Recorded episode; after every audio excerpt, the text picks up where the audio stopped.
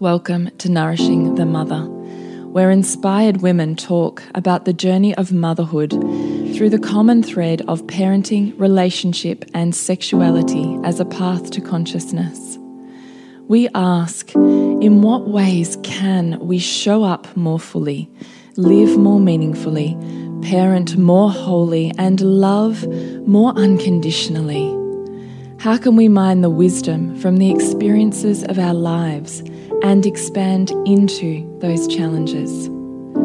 If you are here, you care about paving a path of conscious and intentional motherhood, connected with yourself and your gifts, and also illuminating your children in theirs, so we may raise more whole humans who can impact this world in a more humane way. And if you feel like giving a little back to this free content, please become a patron of the show and receive extra member benefits for less than a coffee a month. Or you can leave a review on iTunes and Facebook, all of which helps the podcast keep going and reach more mamas who need this type of tonic for the soul. Head on over to patreon.com forward slash NTM podcast to find out more. We are Julie Tenner and Bridget Wood, and we are so grateful you're here.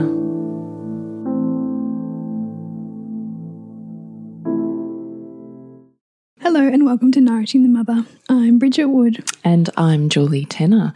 And today's podcast is There's Nothing You Can Say That I Can't Love. Yeah. And that just came out um, based on I'm showing up here with Bridget and we're trying to do some work. But ultimately, what ends up happening is that you and I have a conversation and a natural relationship outside of outside of doing work. And I really needed some big listening time, and you really offered that to me beautifully. And we were just saying, you know, how many places can you say the things that are so awful?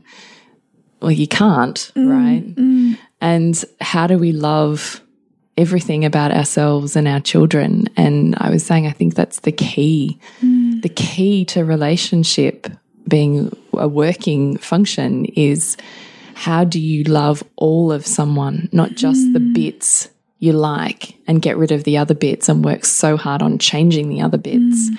which ultimately drives that person away. How do you yeah. love all of them? How do we love all of our child? How do we love who they are in their entirety without needing to change them? Mm. How do we love them just as they are? And then how do we do that for our partners and how do we do that for ourselves? Mm. So it's a pretty big conversation, but that's where we want to take it. Yeah. So before we get there, before we get there, we want to say a big thank you to our latest patrons Which on Patreon. So, cool. so thank you so much to those who are jumping on. So it's a big thank you to Sophie, Jess, and Nikki this week. Ah, thank you. You guys are really becoming the lifeblood of of this podcast, mm. and it really there's a heck of a lot that goes into the behind the scenes part of just getting free content podcast out in the world. Yeah, so it yeah. certainly keeps that going, and we really hope in exchange that we're offering you more opportunities to connect in with Nourishing the Mother content mm. and with us as well. So thank you very much. And if you'd like to check it out, head to patreon.com forward slash NTM podcast. Mm.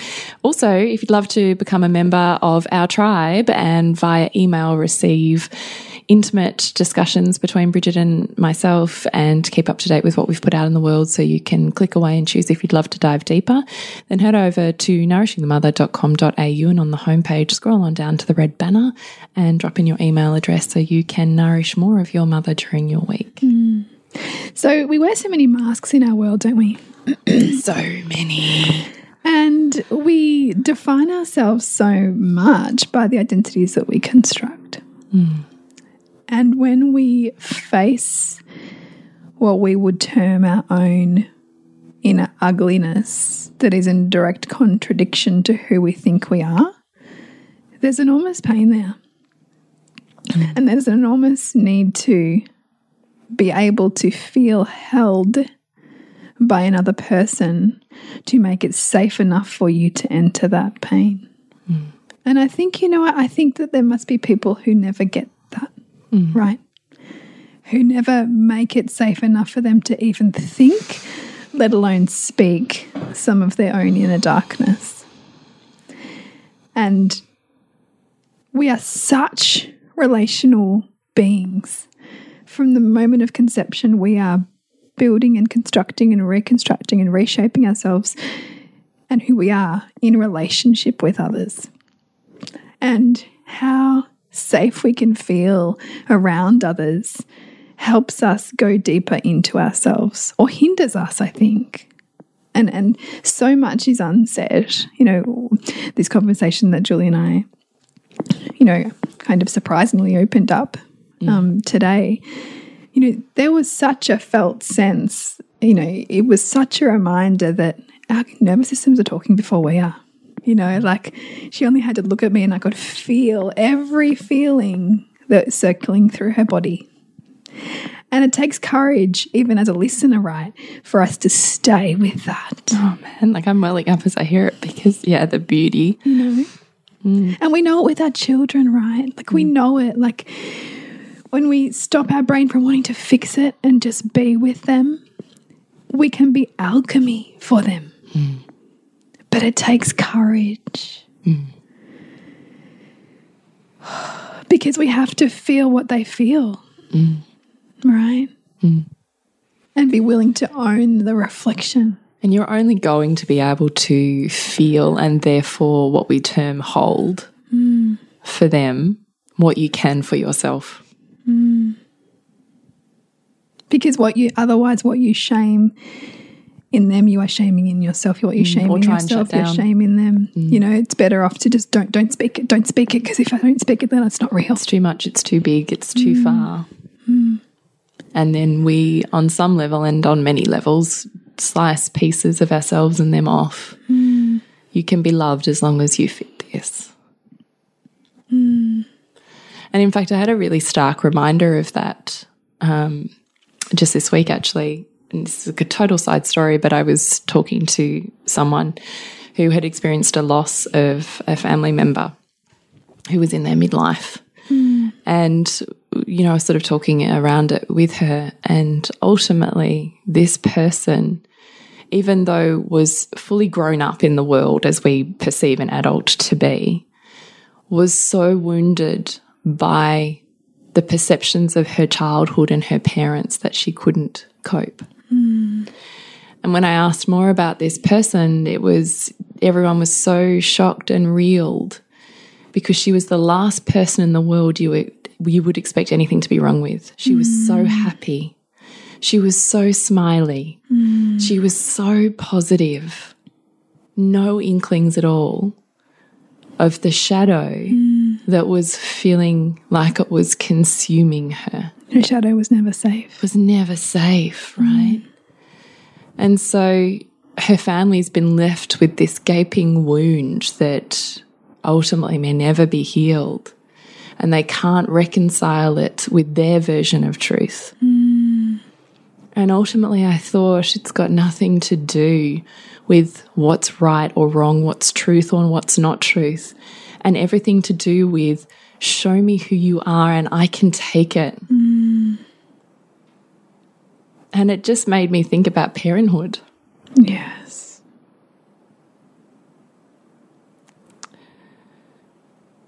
and how much we make wrong or right. Mm. Our children and ourselves. Mm.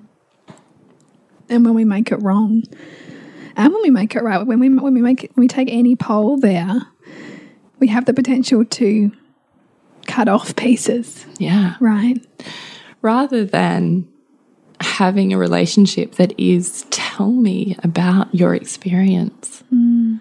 and I will feel it with you mm-hmm. and I'll sit there with you.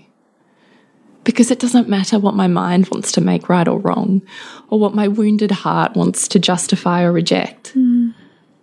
I will be in that experience with you because there is no part of you that's not welcome here. Mm. And I just I heard this story from this person, and it's not not where they were at with it, but that's all I could hear mm. in this story. Mm. Was what a reminder it was to love and to be loved just as you are without having to change in order to receive love, without having to, to be someone different in order to be worthy of that person. And I was reflecting on, you know, as you do in these epiphany moments of all these different relationships I see around me. And I was thinking, and uh, on my own in the past, how much I needed to change him. How many parts of him were not okay, and I needed them changed in order to be okay. And it's like waiting for the inevitable one day when I, if when, I'll only love you if. it's like it's a total booby trapped emotional and psychological warfare zone, mm. right? Mm. Because the more that you are criticized and judged rather than loved, the more you're going to distance yourself from that, mm. the more parts you will hide, the more disconnection there is, the less connection there is, and therefore the relationship disintegrates. Mm-hmm. I don't know. I was just having all these epiphany moments this week where I'm like, how, how do we love more of this person showing up in front of me so they don't need to change and they have the freedom to find their own way? How do I love that? And it's you know it's it's no small task, and in fact, I think this is also why parenting is is one of the most important and the most difficult roles we take on. Because to be in relationship with a piece of ourselves, essentially that we've given birth to, very often our most repressed parts, you know, the stuff that we that has gone unconscious because it's so disowned in us we have to meet it and learn to love it because we are always going to love our children. But to find, to meet and find that whole love will require us to open up and feel pain in ways probably haven't felt it before. Because it'll be pain that we have buried, right? That we meet when our child is five hmm. and we we realize what's stored in our nervous system from when we were five hmm. or six. And we have a rage response, or we have, you know, you know, an overwhelming sadness that we didn't even know we could feel. But our child takes us there. And then we have to meet our darkness, we have to meet all the things we said we weren't. Because our child's calling us there. And we show up because we love them so much. But in having to love them so much, we have to reconcile what that love looks like and how we can even love the part of ourselves that we deem so ugly because of how it wants to respond. But it's the it's the stored memory of our own trauma that we meet through the eyes of our child. Do you want to talk a little bit about Oh God, I just feel here. so emotional. Even just as you're speaking, I'm like, oh my God, yes. you know, I can feel my heart just kind of opening, which is actually a really beautiful place to be because I feel like I've been holding on. Mm. And yeah, when you just you feel so tight and constricted and sometimes suffocated and you know there's stuff there, but there's nowhere to put mm. it. There's no way there's no, there's no way safe for it to be. There's nowhere safe for it to be. but if I just keep busy, Yeah. it might go away. I just keep going mm. and just this moment and this moment and this moment. And I never really sit with what's come up, mm. you know? Um, and I started the conversation with you by saying, you know, I really recognize that we all need listening time mm. around our wounded, sore places. And if we don't get that listening time, then it becomes cancerous hmm. in physical and psychological terms. Hmm. Because it becomes this growing mass that does wreak havoc in the body and, and in the mind, hmm. and therefore in the social and emotional dynamics of the relationship or family. And so I knew that if I held on to this most shameful thing, that my tolerance would be reduced, my ability to show up, anchor, and hold presence for my child would be reduced. Hmm. And my ability to regulate myself in order to offer that regulation to my child as they find their own way would be non existent hmm.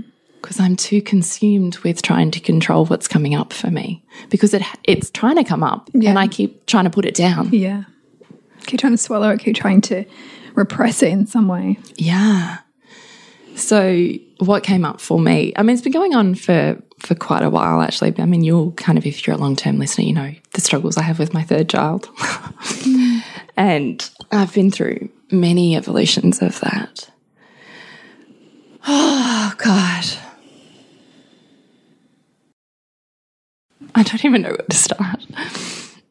Um, I decided last year that we'd kind of had the busy time with the baby and we'd done the renovation.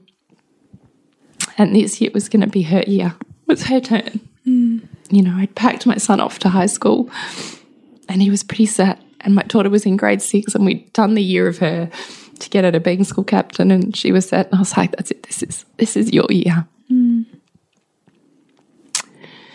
And so I set in motion more opportunities for connection and more people to see her for answers. Mm. Anyway, ultimately, where that's led to is nothing diagnosable but a genetic um, low tone. So her muscles are largely underdeveloped. Mm. And she has super lax um, ligaments, so her hypermobile joints. And that means she can't run and move and climb and be active in the way that, in inverted commas, a normal child of her age would be. But she doesn't want to be either. Mm. And this is a child who, at, you know, when I think back, I can see it because you know, at 10 months old, I moved her out of a cot and straight into a full sized above ground bed with no rails, no pillows, anything. And at the time, I was like, oh, fantastic. And now I look back and go, it's pretty weird. yeah. It's funny what we what we appreciate at the time, right? because she didn't move.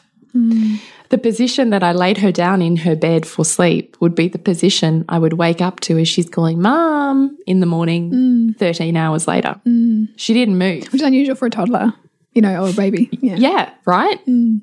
And just doesn't move in general. Mm. And that's always been a really hard thing for me as I've evolved through it because, as you know, I have huge stories on body disconnection. Mm. So, body connection and loving our body beyond its physical attractiveness, so what it can do and how it can move and how strong it is, is pivotal in my evolution as a soul. Mm. And so I have this child who embodies the exacerb exacerbated opposite of all of those things. Mm. Anyway, and then on top of that, what I'm really struggling with this week is her in inverted commas. And I'm going to be really uncensored here. So you know, trigger warning in advance if this is for you around body image and body weight, is her fatness. So I know it's not her diet because I know I control the food and it's good mm. food. Mm. But she doesn't move. Mm. And we're certainly not small stature people, we're certainly big stature genetically. And that would be fine if she was in a in what I consider to be a healthy version of, of activity.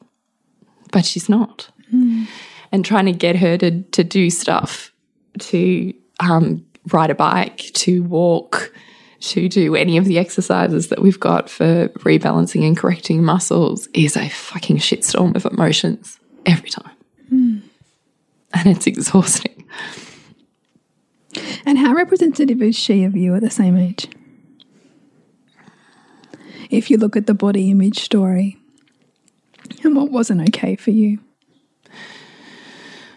Um, well, interesting enough, what just came up for me then was when I was, I was thinking, no, that's that wasn't my story at her age. It was certainly my story when I was about, you know, eight, certainly eight and beyond. But at her age, it wasn't. But what was happening at her age was I was immobile because I had broken my arm. I was in hospital. Hmm. I didn't get to show up at kinder and whatever the way that I wanted to because I had a broken arm. But it was a significant break. I, basically, back then in the very, very early 80s, I had um, broken my arm in half. And so it was back then amputation. Literally, we're talking about the very beginnings of microsurgery. So I was the first, there was only a boy before me, and I was the second child, first girl to have microsurgery in Australia to reconnect a limb. And so it was extensive. So when I say I was in hospital, it was extensive Yeah. and many operations and blah, blah, blah. So where was I at her age? I was immobile based on a on a broken arm. But I don't I mean that's just what came up when you asked me that. But um, I certainly have a big story on um, my mother hating her body and on fat. I'm just interrupting our conversation on There's Nothing You Can Say That I Can't Love. To let you know, Loathing to Loving program L2L started this week, but we don't start facilitation and coaching until next week. So please jump in with us and offer yourself the space to get listening around what's big for you so that you can hold more of what's big around you. Find out more at nourishingthemother.com.au and on not looking good and being attractive. And my father's version of that was more based around spirituality and excess because he was a yogi, you know, versus the humility of skinniness. And um, on health. So fat people are unhealthy, skinny people are healthy. Um, and I probably just represented for him a lot of different things with body image and certainly sexuality that he could never handle. So, of course, the larger your body is, the more in your face it is as well, mm. right? Mm. So, huge, huge stories. But I didn't realize this was sitting here because she's my second daughter and my first daughter largely, I don't know, I feel like we've got through pretty, pretty well. And I could feel that it, it brushed on those edges, but I was able to hold myself and parent myself through it. Mm. And I said to you as I was, you know, verbal diarrheaing, I was like, it's like I didn't know this pain was here. I didn't know. I mean, I knew I had these stories, but I didn't know how they felt. Not mm. really. They were more conceptual for you rather than a felt body sense. Yeah. And I didn't know the pain that was there. And I didn't know the words that I have internalized about it because, and it's funny, right? My firstborn dead daughter didn't take me there. So it's like mm. it's exacerbated the body so that I go there. Mm. And you learned the words that were stored because they're the very words that you wanted to scream your Right. So I want to tear apart. And what I find terrifying about that is that I have the capacity and the power to do that. Mm. And sometimes that feels like such an enormous responsibility. And I use all of the tools to help me not do that. Mm. But the conflict is that that's what I want to do mm. in my body, I can hear the words and I want to shame her and I want to scream at her and I want to tell her all the shit that's wrong with her so that maybe she gets in enough pain that she's motivated to change. Mm. Because I need her to change. I need her to be different. you need her to be accepted. Yeah. I need her to fit in rather than always not. And all the words that run through my head about, you know, fat and you're so fat and you're so disgusting and you're so, you know, and I keep thinking, this is what I've internalized about me. Hmm. It's not even her ultimately, right? The issue is me. She's bringing you, you. Yeah. So the issue is not that she is or isn't anything. The issue is why can't I love her as she is rather than needing to love her when she changes? You know? Yeah. Isn't this the reality of love, right? Isn't this the raw pain of learning to love and that we are always learning to love more? Yep. But that this is never what's sold to us in our culture. It's never what's safe in conversation. No. And so we find a zillion and one ways to avoid it. And yet, when there's enough safety, you can feel it and you can change it. Yes. So, largely what I'd done this week was remove myself and use all of the tools so that I was as calm and said as little as I could say because I knew that tongue was lashing there in the background. Mm. And then I got here and you created this beautiful space, and I just kind of went, I really need to let this go. Mm. And here it is. And here it is again. But the tenderness and the relief that comes from letting your body rest, from holding that tension, Mm. I already feel it in my body will change how I respond to her when I get home Yeah. and will change the energy in my family because the tension I'm holding in my nervous system and in my body constantly by holding on to that is altering in every moment how my children and my husband respond to me and with me. So I already know by creating the space and the time and by you giving me the safety to do this that it's it's different. My mm-hmm. my future will now be different. My reality will now be different when I walk in the door. Yeah, it will be. And not because anyone else has changed. No. And you'll find you'll be able to hold more. So your window, so even just by releasing in this way, your window of tolerance for what she brings you, which is you bringing yourself, you to yourself, will be will expand. Yeah. But it's not. But but this is the reality of of getting that to that level of expansion and to this growth and development that we desire on this motherhood journey means. Yeah. This is the to reality. parent better. Yeah. Right. To, to, to do things the right way. Isn't about a set of skills. No. It's a way of being and it's a willingness to be, isn't it? Well, and it's a willingness to see what is brought up is mine. That my job, ultimately, the end of all of it, with any tool, is to love them without asking them to change. And the only way to do that is to constantly morph and evolve and change yourself so that you don't need the change. Yeah, you don't need the change to be external to somehow make You, you feel better, okay. you feel good, yeah. But that You, you, feel can, like you can love. yes, Yeah. you can do that for yourself. Right. How do you ask your heart to still open? Hmm.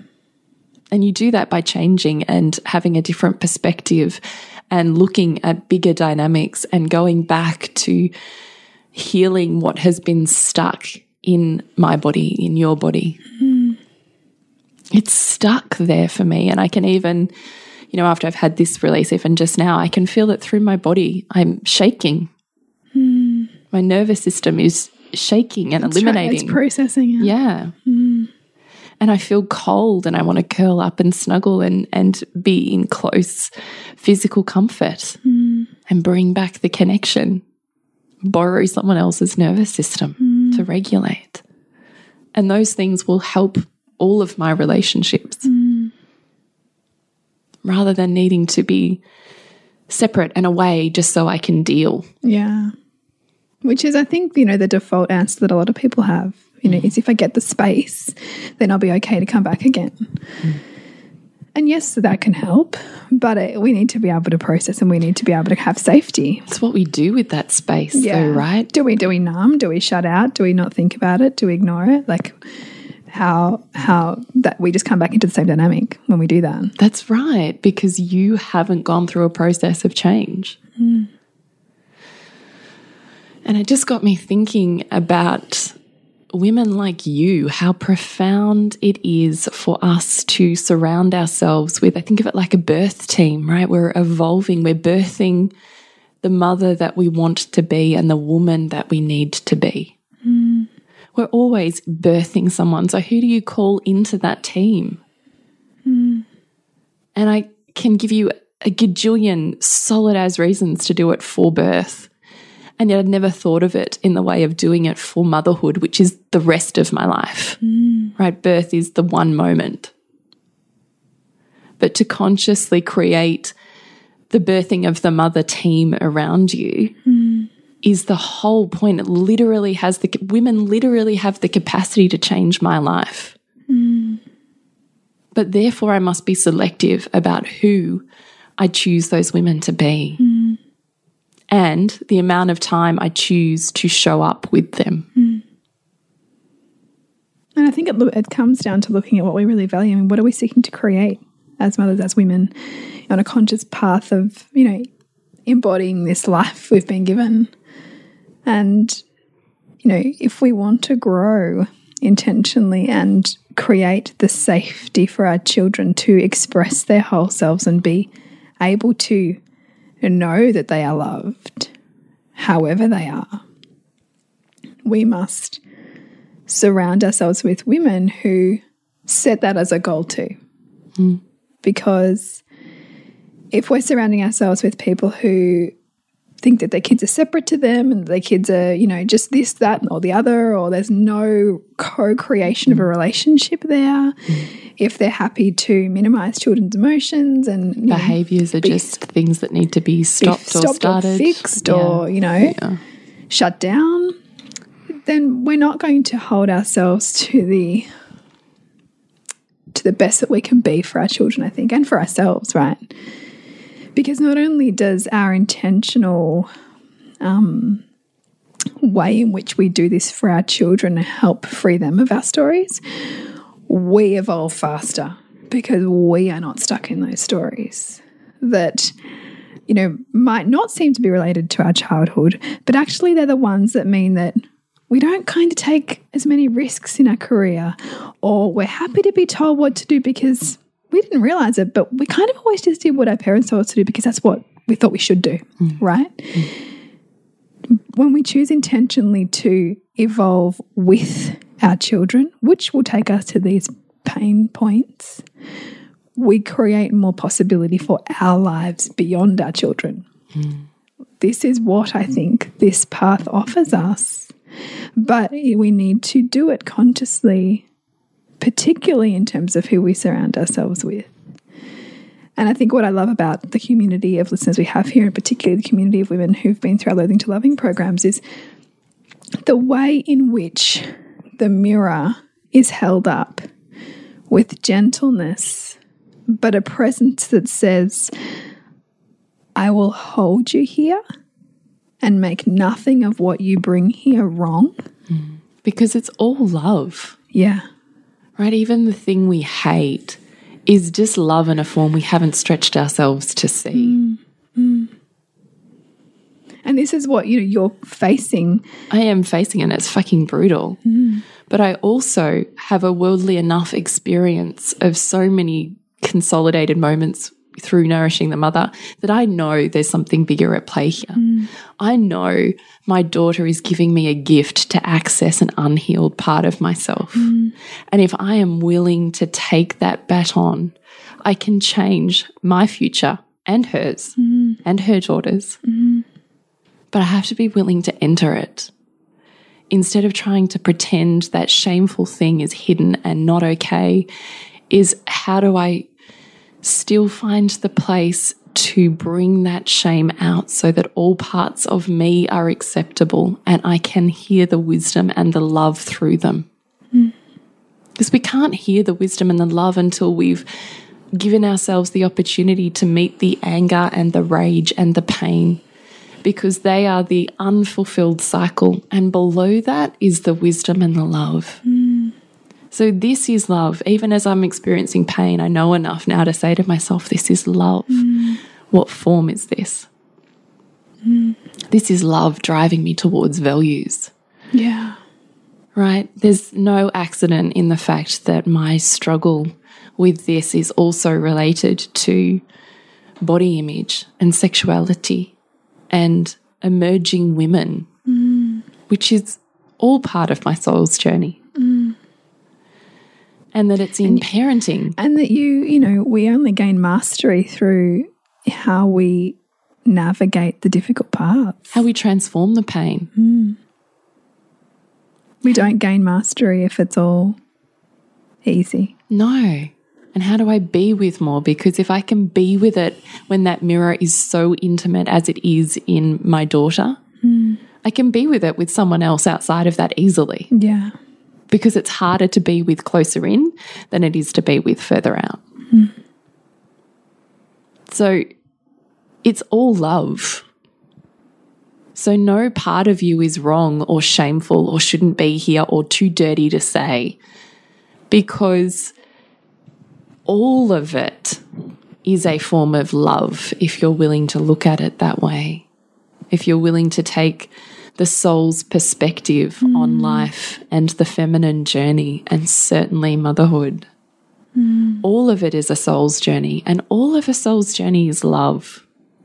It's our human perceptions and judgments that cast it out and make it wrong, mm. not the soul's. No.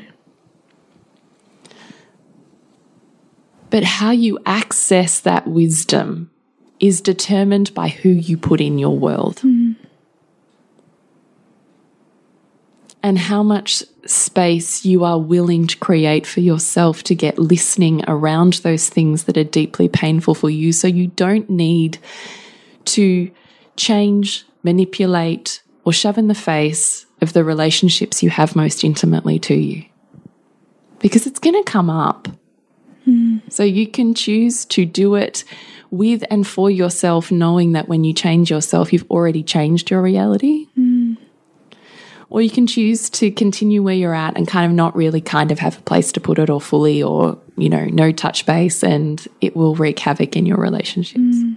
and in your ability to hold whatever comes up. Mm. I don't think that we avoid meeting anything. No. We just meet it in different forms. Yeah. Yeah. Mm.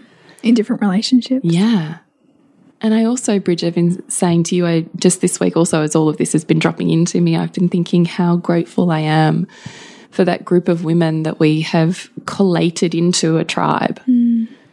Because group therapy is by far, that's what this podcast is. Yeah. Right? Yeah we share we are we are from we are descendants of storytellers and when we tell a story it is a mirror reflection for somebody else it's all that word mirror means mm. i see part of myself in your experience and part of that is healing and part of that helps me make meaning that i hadn't made yet or helps me make links before that i didn't see were there or helps me understand myself more deeply Exactly. And that is just such a rich experience. And that that's what group therapy is, the opportunity mm. to understand so much more of yourself through the lens of witnessing other people's journeys. Mm.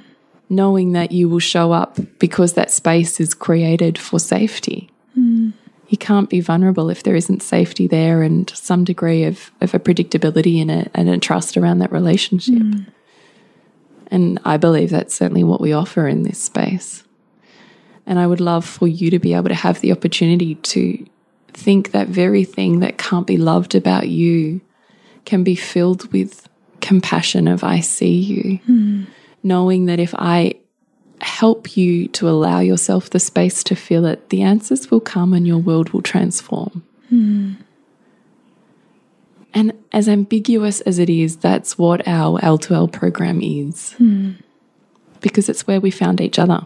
Yeah.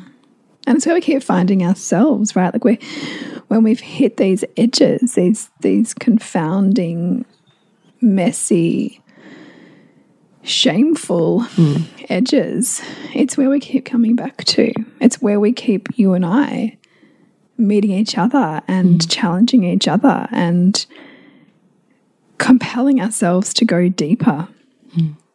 beyond the paradigm that we're sold in this culture, mm.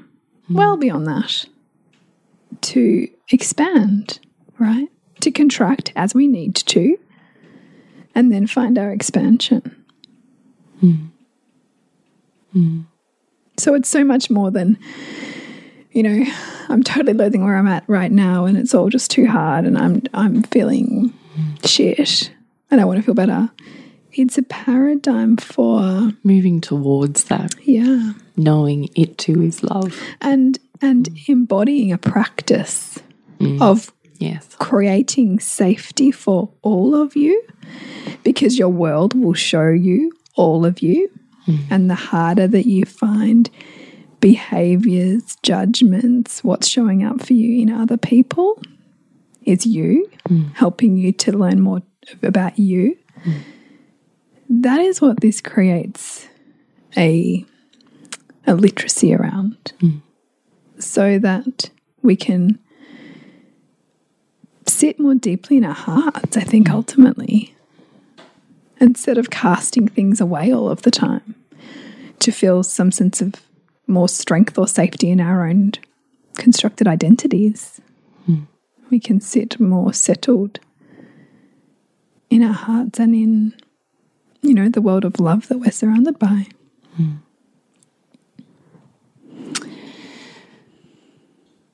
So, I guess what we just want to float with you at the end of this podcast is there is no part of you that is so ugly that we couldn't love it. Mm. Because we're not looking at it through the lens of our cultural magazine. Yeah. We are looking at it from the purpose of your soul is perfect in perfect timing, in perfect motion, and that this too is perfect. Mm. And so we will love that knowing when you get the opportunity to feel more, you will find your own answers. And we are thrilled and humbled to be guides on that journey. Mm. So please join us for L2L this week. We start discussing content this week, but we start facilitation really and webinars next week. So mm. Please consider diving in with us. Yes. You can find out more at nourishingthemother.com.au. And thank you for, for giving us your presence on this really vulnerable and courageous podcast. I hope it wasn't just babble. Now I'm like, I don't even know what I said. No. I think that you've given so many other women permission to feel deeply, right? And to voice maybe the stuff that doesn't feel safe to voice. Mm. And that is a gift. Mm. So thank you. Thank you. And to connect with you, Jules. Is thepleasurenutritionist.com and, and me, suburbansandcastles.com. Remember to nourish the woman to rock the family. And we'll see you next week when we continue to peel back the layers on your mothering journey.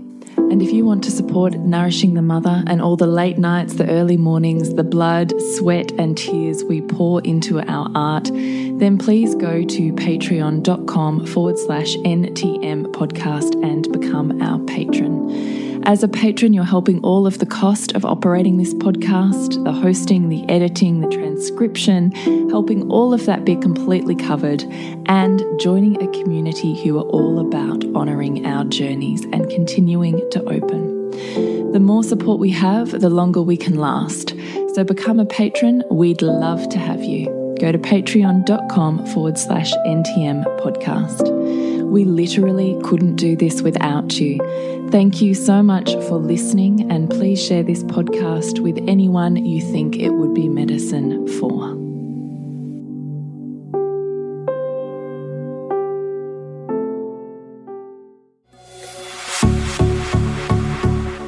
This has been a production of TheWellnessCouch.com. Check us out on Facebook and join in the conversation on Facebook.com forward slash The Wellness Couch. Subscribe to each show on iTunes and check us out on Twitter. The Wellness Couch, streaming wellness into your lives. Whilst the Wellness Couch presenter endeavor to provide accurate and helpful information to their listeners, these podcasts cannot take into account individual circumstances and are not intended to be a substitute for health and medical advice from a qualified health professional. You should always seek the advice of a qualified health professional before acting on any of the information provided by any of the Wellness Couch podcasts.